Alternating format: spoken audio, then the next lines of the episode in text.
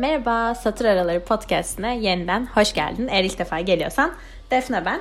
Ee, geçen hafta bölüm yükleyemediğimin farkındayım. Çünkü okulum sağ olsun çok yoğun bir hafta geçirdim. Yani bayağı bir ödev teslimleri, işte ödev şeyler, quizler, sınavlar falan bir sürü şeyle uğraştım. Dolayısıyla podcast'ı kaydedecek vaktim de olmadı. Ee, sırf hani yayınlamış olmak için de böyle yalap şap bir şey yapmak istemedim. O yüzden geçen haftayı es geçmiş olduk. Ama bugün çok güzel bir e, paragrafla karşındayım. Bugün Stephen Zweig'ın e, Bilinmeyen Kadının Öyküsü kitabından bir paragrafa bakacağız. E, paragrafla ilgili konuşmadan önce şeyi söylemek istiyorum. Yani o kadar güzel bir kitaptı ki. Zaten bir öykü. E, dolayısıyla çok kısa böyle şıp diye bitiyor. 60 küsur sayfa falan müthiş bir öyküydü. Aşırı etkileyici bir öyküydü. Ee, çok beğendim yani. O yüzden hani paragraf haricinde kitabı da genel olarak okumanı mutlaka tavsiye ediyorum. Ee, Stephen Zweig benim zaten yani benim çok sevdiğim bir yazar ama e, hikayelerine birazcık böyle zor başladığım bir yazar. Çünkü hani alt metinleri çok dolu. Ee, ama bu yani aşırı beğendiğim bir kitap oldu. Aşırı beğendiğim bir öykü oldu. Ee, o yüzden sana da tavsiye etmiş olayım öncelikle. Şimdi paragrafı okuyorum. Bugün o hayretini anlıyorum. Çünkü biliyorum ki kadınlar genel olarak içlerindeki kendini verme arzusu ne kadar yakıcı olursa olsun bu hazır oluş durumunu inkar etmek, ürkmüş gibi yapmak veya yalanlar, yeminler ve vaatler aracılığıyla önce yatıştırılması gereken bir öfkeyi oynamak alışkanlığındadırlar.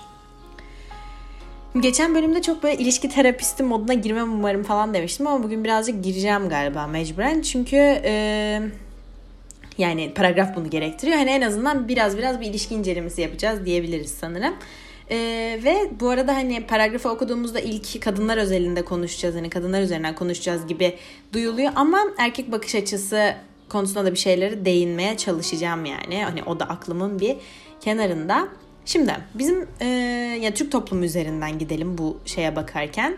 E, Türk toplumunun üzerinde hep böyle bir işte naz yapma, kendini ağırdan satma alışkanlığı mı denir artık bilmiyorum. Bu kadınların üzerinde her zaman var bu durum. Yani biz kendimizden de veya yaşadıklarımızdan da işte yaşıtlarımızdan da e, ailemizden de falan bunların hepsini dinliyoruz, görüyoruz orada burada. Ve bunu e, yaptığımızda yani farkında olarak da yapılabiliyor, olmayarak da yapabiliyor. Çünkü bu bir alışkanlık dendiği gibi. E, ve bu durum aslında hiçbir zaman da eskimemiş zaten. Hani diyorum ya hani ailemizden bile e, dinlediğimiz hikayelerde bunun farkına varıyoruz. Sadece şekil değiştirmiş. Çünkü mesela eskiden işte yüz yüze iletişim daha ön plandayken işte kadının böyle erkeği hep bir bekleteyim şeyi. Şu anda da işte dijital bir çağda yaşıyoruz. Hani ilk mesajı o atsın beklentisi falan var. Ve bu davranışların hepsinin ortak bir sebebi var ve ortak bir amaç için sergileniyor aslında. Yani kadının kendini hep bir adım geride tutma tırnak içinde zorunluluğu hissetmesi bu davranışların hepsini yaptıran ve buna göre de bir sonuç bekliyor. İşte asla hep bu erkekler yüzünden kadınlar güvensizlik yaşıyor yok o yüzden kendilerini saklanıyorlar vesaire diyecek biri asla değilim. Çünkü hani bir insan özelinde değil de genel olarak yaşanan bir güvensizlik sorununun sebebi de ilacı da her zaman insanın kendisidir. İnsan bunu kendi kendine yaratır, kendi kendine çözer. Ee, o yüzden bu ne, bu şey sakınmalar konusunda suçu erkekte bulan biri değilim. Öyle bir yapım yok yani. Onu savunmuyorum ama Tabii benim bu suç erkeklerde bulmuyor olmam bu gerçeği değiştirmiyor. Yani bir değişiklik yaratmıyor bunun ama şimdi bu e, şey hani yatıştırılması gereken öfke kısmından birazcık bakıp aslında neden bu böyle bir algı yaratılmış bunca yıldır e, ona birazcık bakalım. Şimdi bu öfke konusu önemli bir konu. Yani bu öfke kime karşı, neye karşı, neden yatıştırılması gerekiyor? Gibi sorular sormak lazım. Hatta ben bu soruları sorarken aslında bir yandan da sana soruyorum gibi düşünebilirsin. Yani insan çünkü her zaman kendinde bulduğu cevaplarla bir şeyler fark ediyor hayatında. Ee, o yüzden sırf bu bölüm e, için söylemiyorum. Genel olarak böyle podcast'te ben hani sorular sormayı, sorularla konuşmayı severim. Normal hayatımda da severim. Ki insanda birazcık farkındalık yaratsın diye. Ee, o yüzden sen de bu soruların üzerine düşünürsen ben konuşurken çok çok sevinirim ve faydalı olur aynı zamanda. Neyse geliyorum konumuza geri. Şimdi bu bahsettiğimiz öfkenin en e, yakın dostu işte o güvensizlik konusu aslında. Yani yaşanan işte iş olabilir, aşk olabilir, arkadaşlık ilişkisi olabilir. Her türlü ilişkinin özelinde yaşanan güven problemlerini genelleştirmek gibi bir eğilimimiz var. Ve mesela bir kişi özelinde yaşadığımız bir güvensizliği e, ortak özellik taşıyan herkese yaymak gibi. İşte örnek aşk ilişkilerinde bir e, aşk ilişkinde bir güvensizlik problemi yaşıyorsun. E, ondan sonra bunu işte ya bütün erkeklere, bütün kadınlara yayıyorsun gibi bir şeyden bahsediyorum. E, ve bu duygu sonucunda da bir öfke yaratıyorsun. İster istemez yapıyorsun tabii ki bunu.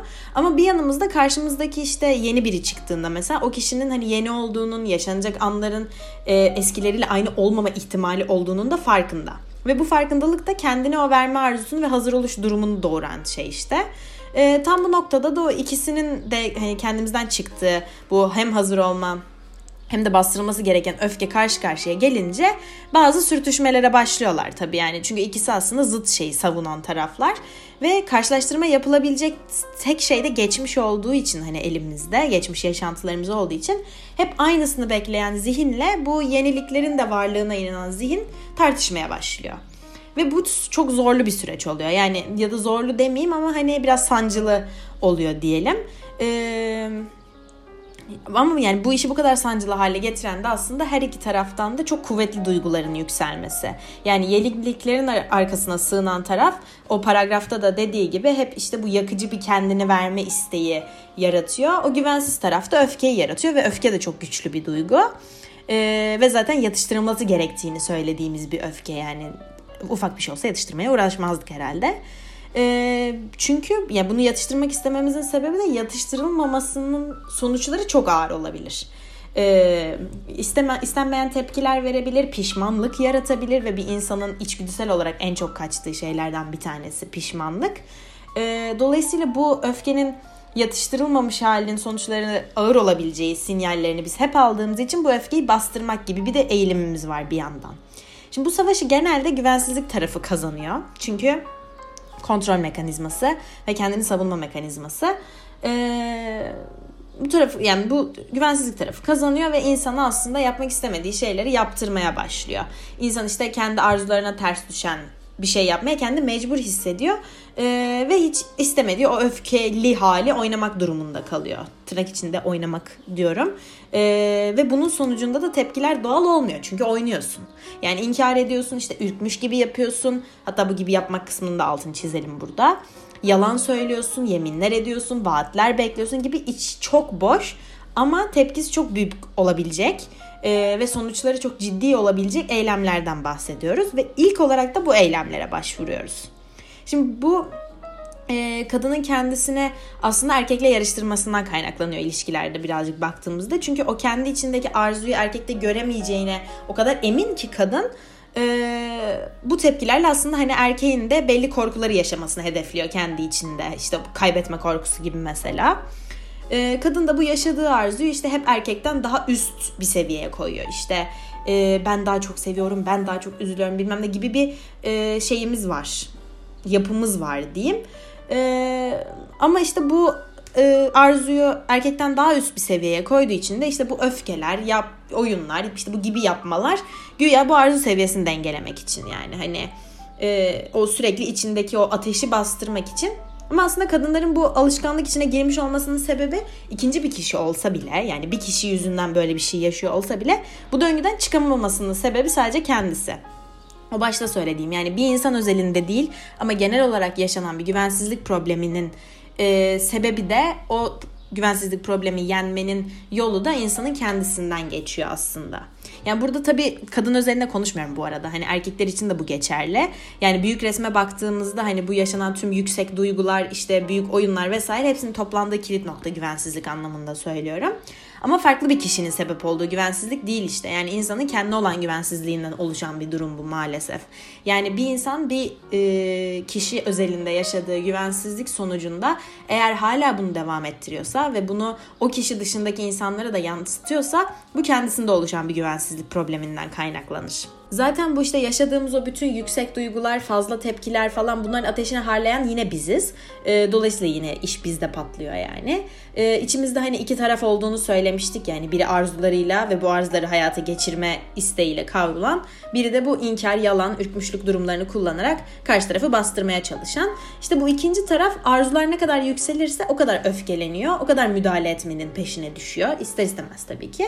Ve işte burada bu koruma mekanizması dediğim e, şeye bağlanıyor aslında yani ama her zaman da iyi sonuçlar olmuyor bu korunma mekanizmasının. Hatta bu e, mekanizma uğruna kendi arzularını işte dile getirememek, yaşayamamak hani çok kötü bir şey. Yani düşünsene sürekli böyle biri seni tutuyor, bastırıyor ve sen aslında özgürleşmek istiyorsun orada. Ve daha da kötüsü karşındaki insan iç, insan tarafından yaşanmamış bir e, güvensizlik olmasına rağmen başkaları özelinde yaşadığın şeyler için o kişiyi sorumlu tutuyorsun. Halbuki hiçbir suçu günah yok. yani böyle düşününce çok büyük bir haksızlık aslında karşındakine yaptın.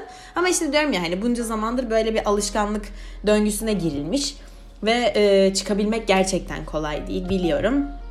Ama en azından belki e, bu döngünün içinden çıkamama durumunun ne kadar e, insanı aşağı çeken, özgürlüğünü kısıtlayan bir şey olduğunun farkına varmak bu konuda aksiyon almamıza yardımcı olabilir. Bunu ben de zamanında kendime çok fazla yaptım. Yani işte e, başkaları yüzünden başkalarını suçladım ya da e, bu sırf dediğim gibi aşk ilişkilerinde olmak zorunda da değil. Yani bir arkadaşından bir kazık yersin sonra tanıştığın her insanın sana kazık atacağına inanırsın. Yani dünyanın e, en saçma sebep sonuç ilişkisi bu aslında ama bunu o kadar ister istemez yapıyoruz ki sadece içimizdeki o koruma ve kontrol mekanizmasından kaynaklı ama düşününce bir o kadar da çok saçma. Yani böyle başka biri bunu yapsa ne alaka ya falan diyeceğin şeyleri kendi hayatında patır kütür yapıveriyorsun. Ve hiç sorgulamadan yapıyorsun. içgüdüsel olarak yapıyorsun. Bunu e, bazen insanların fark etmesi için biraz bir şeyler duymaya ihtiyacı oluyor.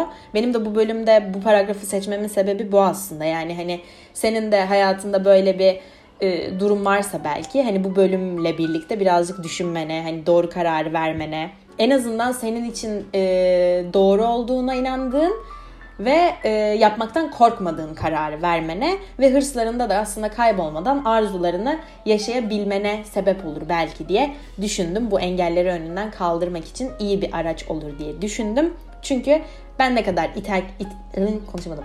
Ben ne kadar iteklesem de e, bir şeyleri farkına vardırtmaya çalışsam da yapabileceğim tek şey seni harekete geçirmek birazcık. Çünkü iş her zaman öz farkındalıkta bitiyor yani. Sen kendi özünde bu farkındalığı yaratmadığın sürece hiçbir işe yaramaz. Ben sadece aracı olmak istedim bu bölümde. Ee, ay ne kadar hızlı ve çok konuştum. Neyse umarım hoşuna gitmiştir bu bölüm. Ee, benim çok yani genel olarak e, insan ilişkileri çok kafamı yorduğum bir e, durum. Yani hep böyle yani durup dururken bile insan ilişkileriyle ilgili bir şeyler düşünürüm. Yani hem kendi hayatımdaki ilişkilerle hem başkalarının hayatındaki ilişkilerle bildiğim ilişkilerle ilgili hep bir düşünce halindeyim. E, ve bitecek bir şey de değil zaten bu yani. Ömrüm hayatım boyunca bunun üzerine düşünüyor olacağım. Ama bununla ilgili fikirlerimi paylaşmak da iyi geldi yani. E, yine çok keyif aldım kaydederken. Umarım sen de beğenmişsindir bu bölümü. O zaman lafı daha fazla uzatmayayım. Zaten çok fazla konuştum. Beni ee, YouTube'da, Instagram'da Defne Bulut adıyla bulabilirsin. Instagram'da sonunda 3D var. Her bölüm sonu söylemek beni çok yoruyor gerçekten. Keşke YouTube gibi bir açıklamalar kısmı olabilseydi. Yani var aslında ama oraya çok bakılmıyor Spotify'da. Neyse söylemiş olayım. Ee, aynı zamanda Spotify'da da yine Defne Bulut 2 diye bir hesabım daha var. Oradan da müzik listelerimi vesaire takip edebilirsin.